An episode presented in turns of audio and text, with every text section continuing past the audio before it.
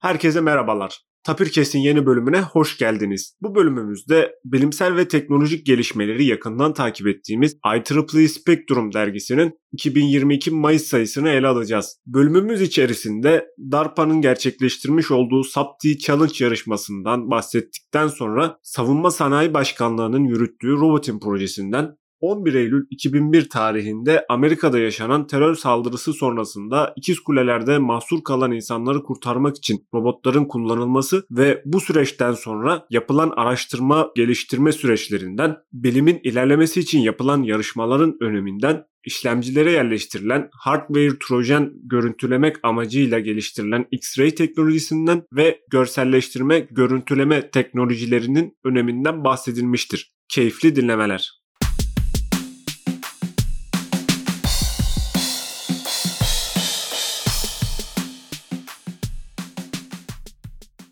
Seren Hocam, Halil abi hoş geldiniz. Hoş bulduk Mehmet. Hoş bulduk. Bilimsel ve teknolojik gelişmeleri yakından takip ettiğimiz IEEE Spectrum dergisinin Mayıs sayısını bugün ele alacağız. Ağırlıklı olarak robot temasını görmekteyiz. Gerek uzayda kullandığımız robotlar ya da robotların iç mekanizması diyebileceğimiz sensörlerle alakalı yine makaleler mevcut. Derginin kapağında DARPA'nın yapmış olduğu SAPT Challenge ve orada yarışan robotlardan bir tanesini karşımızda görüyoruz. Başlarken kapakta da yer alan yarışmayla alakalı Halil abi sana soru sormak istiyorum. Robotim projesinde sen de görev almaktaydın. Robotim projesiyle çok fazla bilgi sahibi değilim ama DARPA'nın yapmış olduğu proje arasında birçok benzerlik var. Bize birazcık bu benzerliklerden bahseder misin? Tabii elimden geldiğince bahsetmeye çalışayım. DARPA'nın yapmaya çalıştığı şey, DARPA zaten bildiğin üzere Amerika'daki savunma sanayinin en önde gelen araştırmayı destekleyen kurumlarından biri diyebiliriz. Robotim'de Türkiye Savunma Sanayi Başkanlığı tarafından desteklenen bir proje. Pek çok ortağı var, katılımcısı var. Bizler de bir parçasını, bir bölümünde bu görevi alıyoruz. Şimdi bu işlerde son dönemde televizyonda sıkça gördüğümüz kadarıyla insansız araçların kullanımı, insansız araçların hem arama kurtarma, ticaret, paketleme, savaş halleri, güvenlik durumları her yerde artıyor. Çünkü insan canını hiç tehlikeye atmak istemeyeceğimiz yerler var. Yani oraya insan niye girsin ki diye soruyorsun. Bir maden işçiliği mesela ileride tamamen robotlarla yapabiliriz yani. Neden artık öyle tehlikeli yerlere insanlar girsin ya da sanırım yine bu kapakta vardı. Aya kurulacak olan gateway'in dışındaki tamirat işlerini, temizlik işlerini bir robot yapsın yani oraya niye insanı risk ediyoruz diye bir düşünce var. Bundan ötürü çeşitli araçların koordineli olarak bir arada çalıştığı, bunlar hocam bildiğim kadarıyla sürü ve hibrit sistemler deniyor. Hem dronlar hem kara araçları hem deniz altı araçlar hepsi var olabiliyor. Burada da gördüğümüz kadarıyla genelde bir işte karada giden o sanırım Boston Dynamics'in bir şeyi vardı. Köpeğe benzer bir robotu vardı. Şu an ismi aklıma gelmedi. Ona benzer bir şey var. İşte karada gidiyor, keşif yapıyor. Bir de yardımcı olan dronlar var. Haritalandırmayı ve yol keşfini sağlayan. Genelde kolaboratif bir şekilde yani işbirliği ve eşgüdüm içerisinde çalışan robotları görüyoruz. Geçtiğimiz senelerde de bu Subterranean Challenge'in yapıldığını hatırlıyorum. Bu sene çok daha kaliteli işler görünüyor hocam. Yani geçtiğimiz sene nasıl diyelim. İşler çok iyiydi ama bu seneki görüntü, bu seneki robotların görüntüsü sanki Boston Dynamics'in elinden çıkmış gibi. Sanki bayağı adamlar aldı gidiyor diyebiliriz.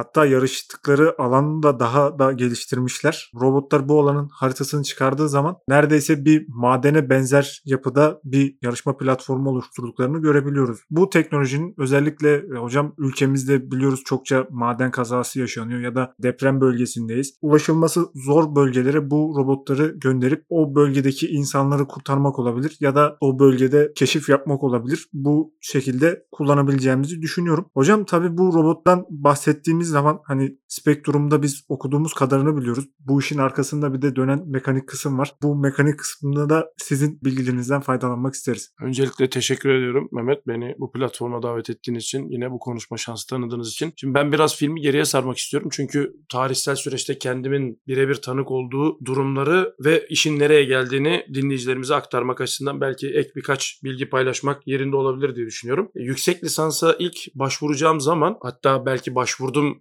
belki tarih olarak çok net hatırlamıyorum ama ders alma işlemleri için uğraşıyordum. Televizyonda enstitüye gidip evraklarımı verdiğimde Amerika saldırı altında ifadesini gördüm. 11 Eylül 2001 tarihi unutmak mümkün değil. Ama ben o sırada ne yaptığımı çok net hatırlıyorum. İşte ikiz kulelerin çökmesi şu bu. Şimdi bağlantısı ne diyeceksiniz? E, yurt dışında çalışmalarımızı yaparken konunun geldiği yerlerden bir tanesi senin de söylediğin gibi işte Subterranean Challenge'da da olduğu gibi ulaşılması zor ya da insanoğlunun bulunmasında risk taşıyan ya da hayati tehlike arz eden kimyasal süreçleri de olabilir. E, telepresence adı verilen yerleri de olabilir. Yani tamamen bu konuyu serbest bırakıyorum ama o gün içerisinde Amerika'da da olası maden kazalarında neler yapılabilir ve maden içerisindeki haberleşmenin nasıl sürdürülebileceği ile alakalı bir çalışma içerisindeyken buradan kendisine eğer bizi dinliyorsa sanmıyorum ama Robin Murphy hocamıza selam etmek istiyorum. Kendisiyle bir platformda bir araya geldik. Yani ben de çok anlamamıştım yani neden kişiyle bir araya geliyor. Çok büyük bir bilim insanı kendisi. Kendisi şöyle de söyledi. IEEE'deki makalesini de bulabiliriz. 2001, 11 Eylül 2001'de olaylar yaşandığında kendisinin bu alanda çalışma yaptı. Robot veyahut da işte uzaktan kumandalı arama kurtarma sistemleri artık ne diyorsak ona. Zero yani Ground Zero'ya gittiğinde, olay yerine gittiğinde kendisinden yardım istenmiş. Kendisinin tekerlekli robotlarını yıkılan kulelerin içerisine sürdüğünü ancak bir müddet sonra robotlardan iletişim kesildiğini ve robotların geri çıkmadığını fiziksel ve mekanik olarak elle çıkartmak zorunda kaldıklarını belirtti. Şimdi tabii bu çok dramatik bir olay çünkü arama kurtarma çalışması için bir çalışma yapıyorsunuz ve bu alanda en önemli kişiler arasındasınız. Sizden böyle ulusun bütün dünyayı ilgilendiren bir konuda yardım isteniyor ve siz bu konuda daha birinci adımda başarısız olduğunuzu iddia ediyorsunuz, söylüyorsunuz, görüyorsunuz ve bununla alakalı ne yapabilirsiniz diye düşünüyorsunuz. İşte bu konuda acaba böyle yerlerde haberleşme neden olmuyor sorusuyla bize geldiğini söylemişti ve biz bu tarz olayların olabildiği, insanın girebileceği en azından olabildiğince kontrollü olabilen yeraltı madenlerinde bu çalışmanın belli bir aşamaya getirilebileceğini kendisine söyledik. Çalışmanın ayrıntıları internette mevcut. Raporun bir kısmı açık, bir kısmı değil özel olduğu için ama buradan şu kadarını söyleyebilirim. O gün biz yeraltı madenlerinde birkaç yere gittik. Alabama bunlar arasında en başta Tuscalosa'daki maden. Yanımızda askeri birisi vardı. Hiç o güne kadar ismi geçmeyen ancak askeri üniformalı Amerikan ordusundan birisi ve madene girdiğimizde şimdi tabii görselimiz olmadığı için bunu konuşarak anlatmak durumundayım. Ortalama bir yastık boyutunda paletli bir robot ilgili komutanla beraber bizimle birlikte madene indirildi. Dışarıdan bakıldığında çok böyle ahım şahım bir şeye benzemiyor ama birkaç tuş kombinasyonundan sonra robot dik hale geldi ve adım atar şekle ulaştı. Yani paletleriyle giden şey iki ayaklı değildi ama tahmin ediyorum dört ayaklıydı ama çok da büyük değil. Ve biz bunu maden içerisinde sürüp madenin o en azından yeryüzüne göre sorunlu ama 11 Eylül olaylarındaki 2001 işte rubble dedikleri yani bir enkazın altındakine göre de çok daha ılımlı bir haberleşme ortamında ne kadar gittiğini tespit ettik önce. Dolayısıyla ona uygun bir alıcı verici tasarımı yapılmasıydı problem. Yıl 2006. Şimdi gelinen yeri o yüzden bu tarihi bilgiyle tekrar söylemek istiyorum. 2001 yılında 11 Eylül olaylarında bu işlerin hani mutlaka evveliyatı da vardır ama ben kendi bildiğim kısmını anlatıyorum. Şahit olduğum kısmını anlatıyorum. 11 Eylül 2001 yılında yaşanan bu olayda Ground Zero'da yaşanan bu problemi bugün arkadaşlar işte IEEE'de çalışan kişiler bizim kendi projemiz olmak üzere sahaya indirilip bir challenge adı altında bir test ortamı altında insanlığın bütün bilgi birikimini bir araya getirip diğer kişilerle paylaşılması bekleniyor. Şimdi bu tabii bu iş az önce Halil'in de söylediği gibi bu bizim gördüğümüz kısım. Bir de görmediğimiz kısım var. Yani bu alanda zaten çok yoğun çalışan bir grup, laboratuvar, araştırmacı zaten bulunuyor. Şimdi bu niye önemli Mehmet? Ben olaya şöyle bakıyorum. 2001 yılında yaşanan problemi o gün Amerika Birleşik Devletleri ve dünya için bir kırılım günüydü, bir kırılım noktasıydı. Bir bilimsel çalışma adı altında alıp sabırla, ince ince işleyerek, çeşitli bilim dallarını da birleştirerek işte robotik, haberleşme işte bizim şahit olduğumuz kısımlar, malzeme muhtemelen bunun arasında başka bir yerde duruyor. Mekanik başka bir yerinde duruyor. Alıp işte 20 sene sonra karşınıza herkesin katılabileceği bir platforma getirip muhtemelen öte teknolojilere sahip olan bir platformdan bahsediyoruz. Ya bunun ülkemiz için ne kadar önemli olduğunu ve bu noktada da bizim de bunun bir parçası olduğumuzu Robotin projesiyle Savunma Sanayi Başkanlığımızın desteklediği beni gururlandırıyor ancak yine de kaçan bir tren olduğunu son vagonunda da olsa bulunmamız gerektiğini çok iyi bence özetleyen bir challenge bu. Son olarak bu konuda yeterince söz aldığımı düşünüyorum ama ek bir şey söylemek istiyorum. Spektrum'un bu sayısında sizin de söylediğiniz gibi robotik ve sensörlerin ağırlıklı olarak paylaşılmasının bir tesadüf olmadığını düşünüyorum. Nature'da geçen hafta yayınlanan bir makale yine onu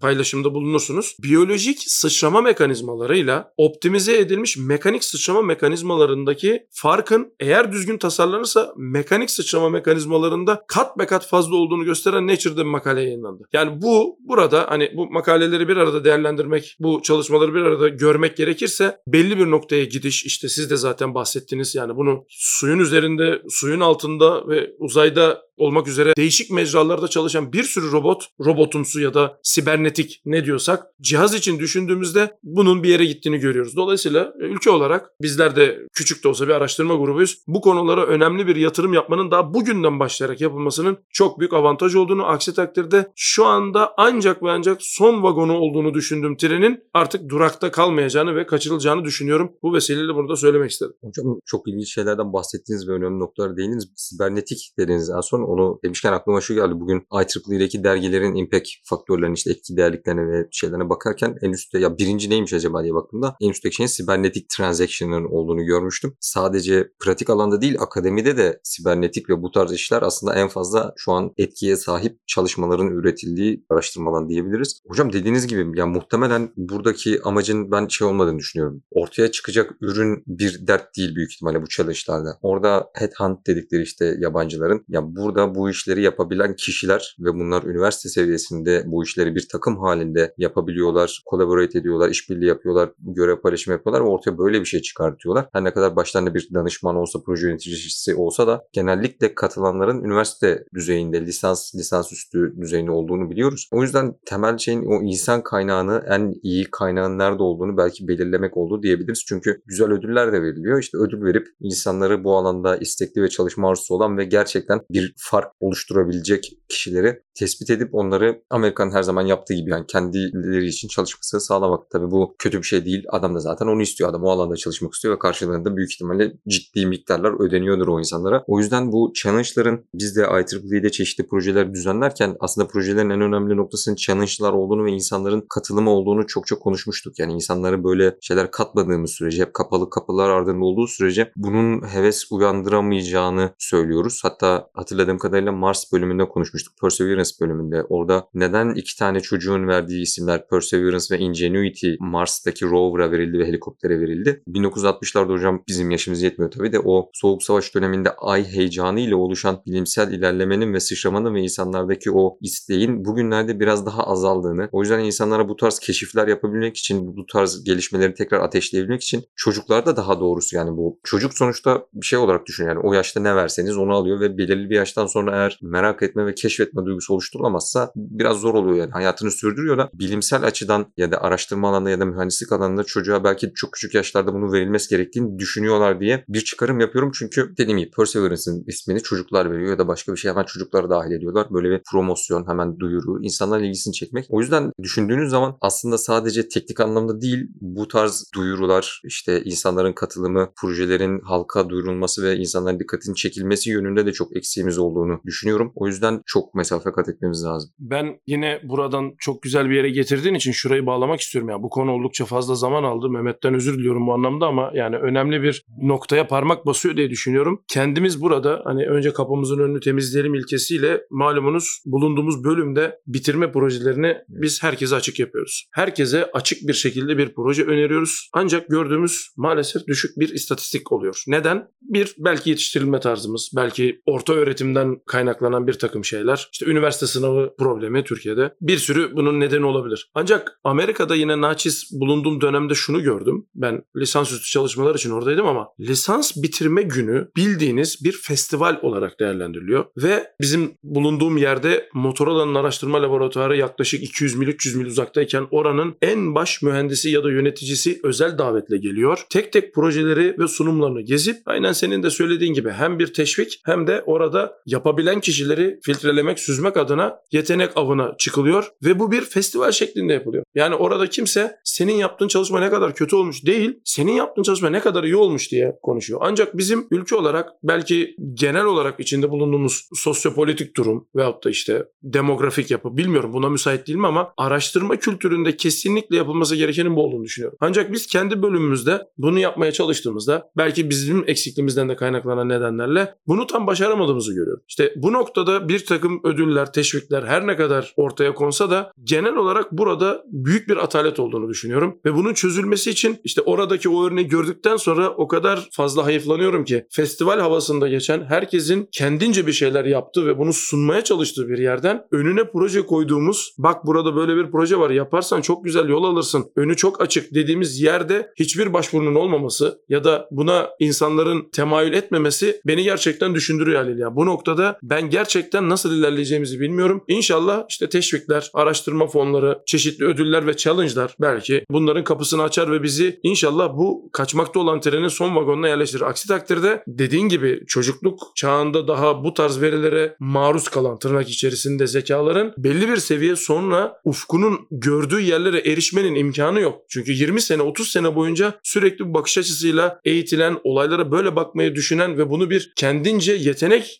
belirtisi olarak ortaya koyan insanlarla bunu 20 yaşından sonra zorla vermeye çalıştığınız kişiler arasındaki fark teknik olarak kapanacak gibi değil. Dolayısıyla bu tarz challenge'ların, işte yarışmaların, ödüllerin mümkünse teşviklerin hangi seviyede olursa olsun kesinlikle arkadaşlarımız tarafından takip edilip bence katılması gerektiğini düşündüğüm bir dönemdeyiz. Aksi takdirde dediğim gibi yani bence şu an trenin son vagonu ayrılmak üzere orayı da kaçırırsak galiba geri dönüş olmayacak. Hocam o zaman bu challenge'lardan işte insanların en kolay olarak katılabileceği IEEE Extreme yazılım yarışması. Evde oturuyorsunuz 24 saat boyunca oturduğunuz yerde katılabiliyorsunuz. Öyle DARPA Subterranean da çok eğlenceli ama onun bayağı meşakkatli olduğunu düşünüyorum. Bu tarz IEEE'nin daha pek çok etkinliği de var, challenge'ı da var. Ya da sanırım bu sene Malta'da bir robot savaşları gibi bir etkinlik düzenleniyor IEEE tarafından. Katılmak isteyen için, merak eden için ve isteyen için bunun imkanların çok fazla olduğunu söyleyebiliriz. Hatta yani projenizi belirli bir aşamaya getirdikten sonra bu tarz işlerde genelde size zaten bir fon veriliyor. Önemli olan insanlar hep sizden ne kadar emek veriyorsunuz, ne kadar ciddisiniz ve neyi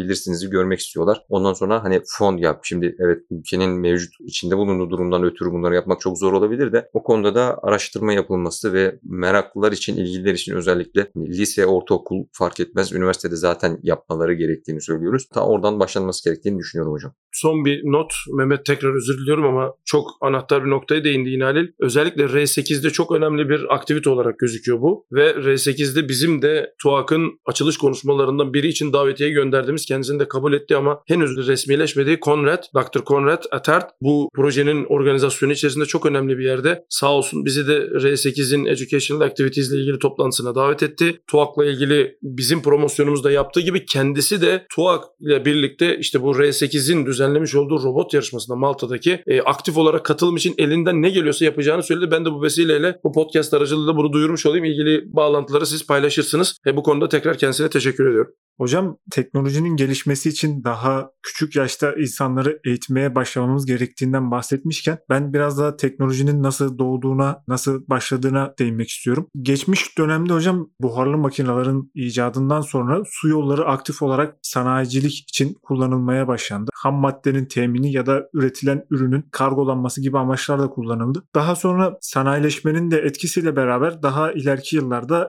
elektrik keşfediliyor ve elektriğin de keşfinden sonra elektriği daha doğrusu kullanmaya başladıktan sonra yarı iletkenler ve bilgisayarların doğuşu gerçekleşiyor. Bilgisayarların doğuşundan kısa bir süre sonra da günümüzde de artık hayatımızın vazgeçilmez bir parçası olan internet kavramı ortaya çıkıyor ve tüm dünyaya yayılmaya başlıyor. Geçtiğimiz yıllar içerisinde de sıkça duymaya başladığımız yapay zeka ve sinir ağları kavramları hayatımıza girmeye başladı ve şu anda hayatımızda iç içe bir durumda olduğunu söyleyebiliriz. Bahsettiğimiz herhangi bir konuda hemen içinde yapay zekam var diye bahsettiğimiz zaman hani yanlış bilgi vermiyoruz diyebiliriz belki de. Yapay zeka ve malzeme teknolojisinin bu kadar gelişmesinin sonucu olarak da günümüzde robotlar ortaya çıktı ve bu robotlar insan gücünün yetersiz kaldığı ya da çok fazla insan gücü gerektiren şeylerde daha kısa sürede daha verimli işler yapmaya başladı ve artık bu robotlar otonom hale gelmeye başladı. Hani insan kontrolünde olmadan kendi kendine işleyebilen fabrikalar oluşturulması şu anda planlanıyor, konuşuluyor. Bu kadar ilerleyen bir teknoloji varken hocam Spektrum dergisinde de ilgimi çeken bir konu oldu. Bu robotlarda kullandığımız ve benim teknolojinin 7. harikası olarak nitelendirebileceğim işlemciler hocam. Bu işlemciler hakkında yazılan makalede işlemcilerin içine hardware trojan yerleştirildiğinden bahsediliyor. Trojan kavramını bilgisayar kullanan çoğu insan da bilir zaten. Truva atı Türkçesi bildiğim kadarıyla.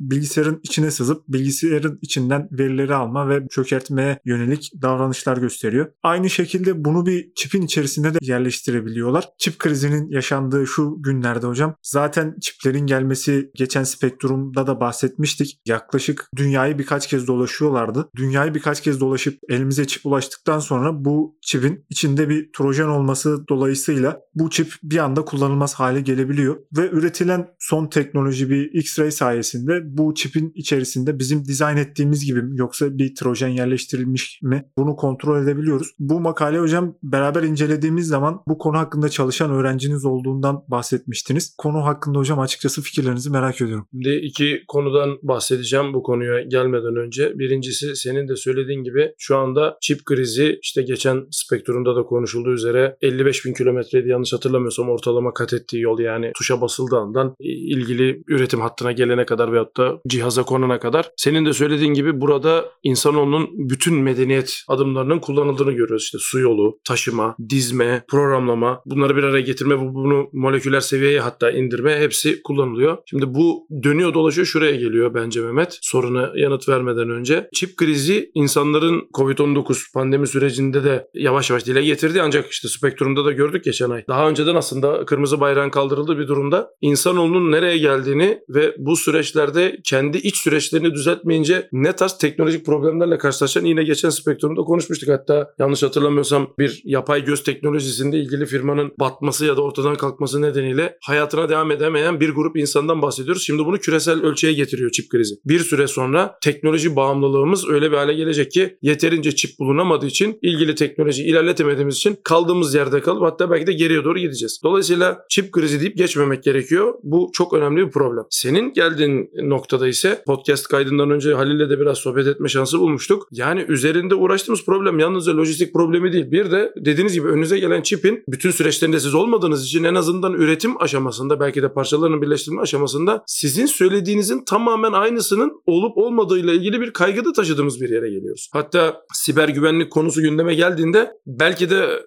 donanım truva atları ya da donanım korsanları, donanım truva atları, trojanları bu kadar gündeme gelmiyormuştu, gelmemişti. Şimdi ise artık önünüze gelen çipin sizin gönderdiğiniz wafer'ın çıktısı olup olmadığını denetleyecek bir teknoloji ortaya koymanız lazım ki işte Spektrum'da söz edilen makale bunlardan bir tanesi ancak Spektrum'da söz edilen makalenin bu konudaki tek çalışma olmadığını söylemem gerekiyor. Çünkü bu konuda çalışan arkadaşlarımız var ve ben de bunların bir tanesinin izleme komitesindeyim. O noktada yalnızca X-ray gibi çok kuvvetli enerjili parçacıkları göndererek değil, nispeten daha düşük enerjili ama çok sayıda sensörü ve ilgili kaynağı oraya doğrultarak benzer bir saçılım örüntüsünü takip edip içinde ne olduğunu üç boyutlu anlamaya yarayan teknolojiler de mevcut. İşte bunlarda değişik dalga boylu lazerler kullanılıyor şu an. Oldukça güzel bir proje o da ve bunu birden fazla konuya uygulamaya çalışıyorlar. Çip bunun görülen tarafı. Bir diğer tarafı da bunun biyolojik modellenmesi. Belki yine takipçilerimiz arasında bunu takip edenler vardır. Nature'da benzer bir teknolojinin özellikle hücre ve moleküler anatomiyi yani hücre içerisinde ne olduğunu üç boyutlu olarak işte çalışmacılara ve araştırmacılara gösteren bir teknoloji üzerinde de çalışılıyor. Bunlar birbirine yakınsayan teknolojiler. Muhtemelen biri diğerini tetikleyecek ya da birindeki ilerleme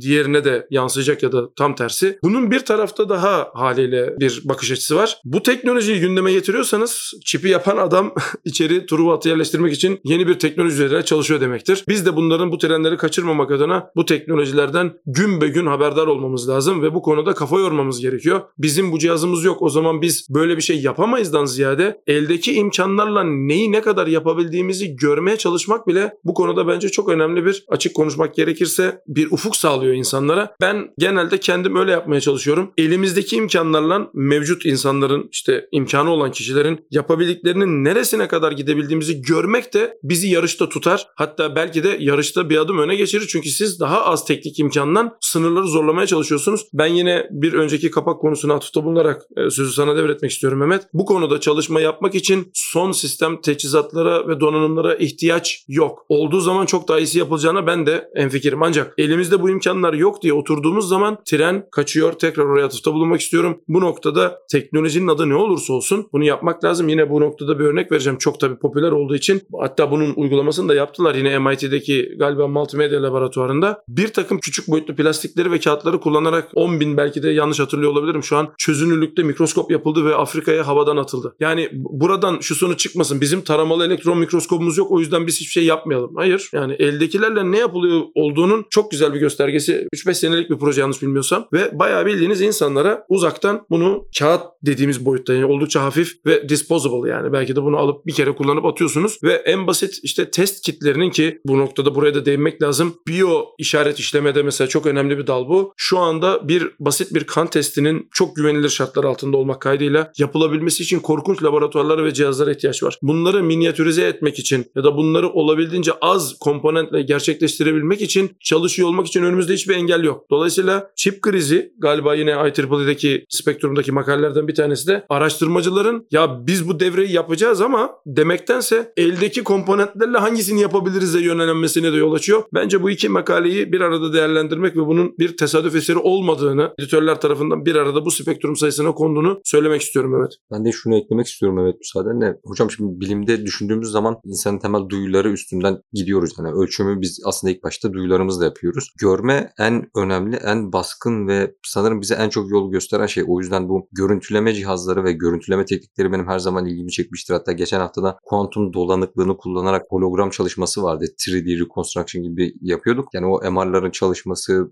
röntgenin çalışması, işte bizim çipin içini görmeye çalışmamız, hücrelerin içini görmeye çalışmamız. Ya biz aslında bir şeyleri görünce sanki daha iyi anlayan bir ırkız diye düşünüyorum. Görmek inanmaktır diye bir yabancıların kullandığı söz var. Herhalde ondan kaynaklı. Olabilir hocam. O yüzden bu görüntüleme teknolojileri gerçekten insan ilgisini çekiyor ve bence güzel de oluyor yani. Çipin içine o bu spektrumda sanırım IEEE Explorer'daki makaleye giderse dinleyicilerimiz linkini veririz. Material'da bir video var. O nanometre seviyesindeki bakır yollarını 3 boyutlu olarak reconstruct edip içinde gezmenizi sağlayan bir sistem. Bunu ya ben mesela anlamıyorum ya. 7 nanometre, 2 nanometre, 3 nanometre insan nasıl transistör yapar diye düşünüyorsunuz ama o böyle çok daha büyük yani belki on binlerce seviye büyütülmüş bir şekilde görünce insan böyle he der ya hocam ya o his geliyor içine ve ya ben kendim için bunu daha iyi olduğunu ve bu görselleştirmelerin çok daha faydalı olduğunu düşünüyorum. Özellikle zaten bir konu anlatırken falan da infografikler falan şimdi çok moda oluyor hocam işte. Herkes bir görselleştirmeye ve anlatacağı şeyi sunum yapmaya yani sunmaya çalışıyor. O yüzden hem çip kriziyle beraber bu çipin içindeki hardware trojeni görüntülemek için geliştirilen yöntem benim estetik olarak hoşuma gitti öyle söyleyebilirim hocam. Benzer bir konu yine geçtiğimiz spektrumda seninle konuşmuştuk. Covid-19'da da alakalı gene bu spektrumda makale var. Orada da hatırlarsan matematiksel bir yöntem olan biraz da görselleştirilmiş Covid-19 virüsünün öyle diyelim türevlerinin, varyantlarının nasıl evrildiğini görsel hale getirip çok hızlı bir şekilde ilaç geliştirme teknolojisine nasıl yararı olduğu geçtiğimiz spektrumda bahsediliyordu. Yani bu noktada senin de söylediğin gibi bir şeyleri görselleştirmek belki de insan beyninin evrimiyle alakalı. Yani bilgiyi yalnızca duyarak, işiterek ya da yazarak elde etmektense optik bilgi aracılığıyla da bunu bütüncül hale getirmek çok daha hızlı işlemesini sağlıyor beynin. Ve o noktada da görselleştirme dediğin gibi çok önemli bir yer tutuyor. Ve ben bu konuda dediğim gibi birkaç dala atıfta bulunmak istiyorum. Bir, çip için konuşalım. Truva atını, donanım Truva atlarını içeri yerleştiren bir teknoloji ortaya koyuyorsanız bilin ki karşı taraf bunu aşacak bir başka teknoloji üzerine çalışıyor. İki, bunu yalnızca burada değerlendirmeyelim. Bunu biyolojik alanlara veyahut da merak ettiğimiz çatlak tespiti gibi e, gündelik problemlere uygulayabilecek hale gelebilelim. Yani bir teknolojinin yakınsaması adını verdiğimiz geçtiğimiz yine spektrumda bahsetmiştik. Birden fazla kolda aynı kaynaktan gidip aslında bir yerde birleşeceğini bilmek ya da bu teknoloji burada kullanılıyormuş deyip orada kalmamak gerektiğine inanıyorum. E bu noktada da yine tekrar başa dönersek görselleştirmek, insanlara bu bilgiyi aktarmaya çalışmak ya da bunu aktarıp aktarmamak size kalmış ama kesinlikle ne olduğunu tam olarak anlamak adına bir parçası olması gerektiğine inandığım bir şey. E dediğim gibi yani spektrumun bu son iki sayısına beraber baktığımızda senin de söylediğin gibi yani görselleştirmenin özellikle bilgi akışını bu teknolojiyle beraber nasıl hızlandırdığını kavramamız açısından çok önemli çalışmalar yayınladığını düşünüyorum ben IEEE Spektrum editörlerinin.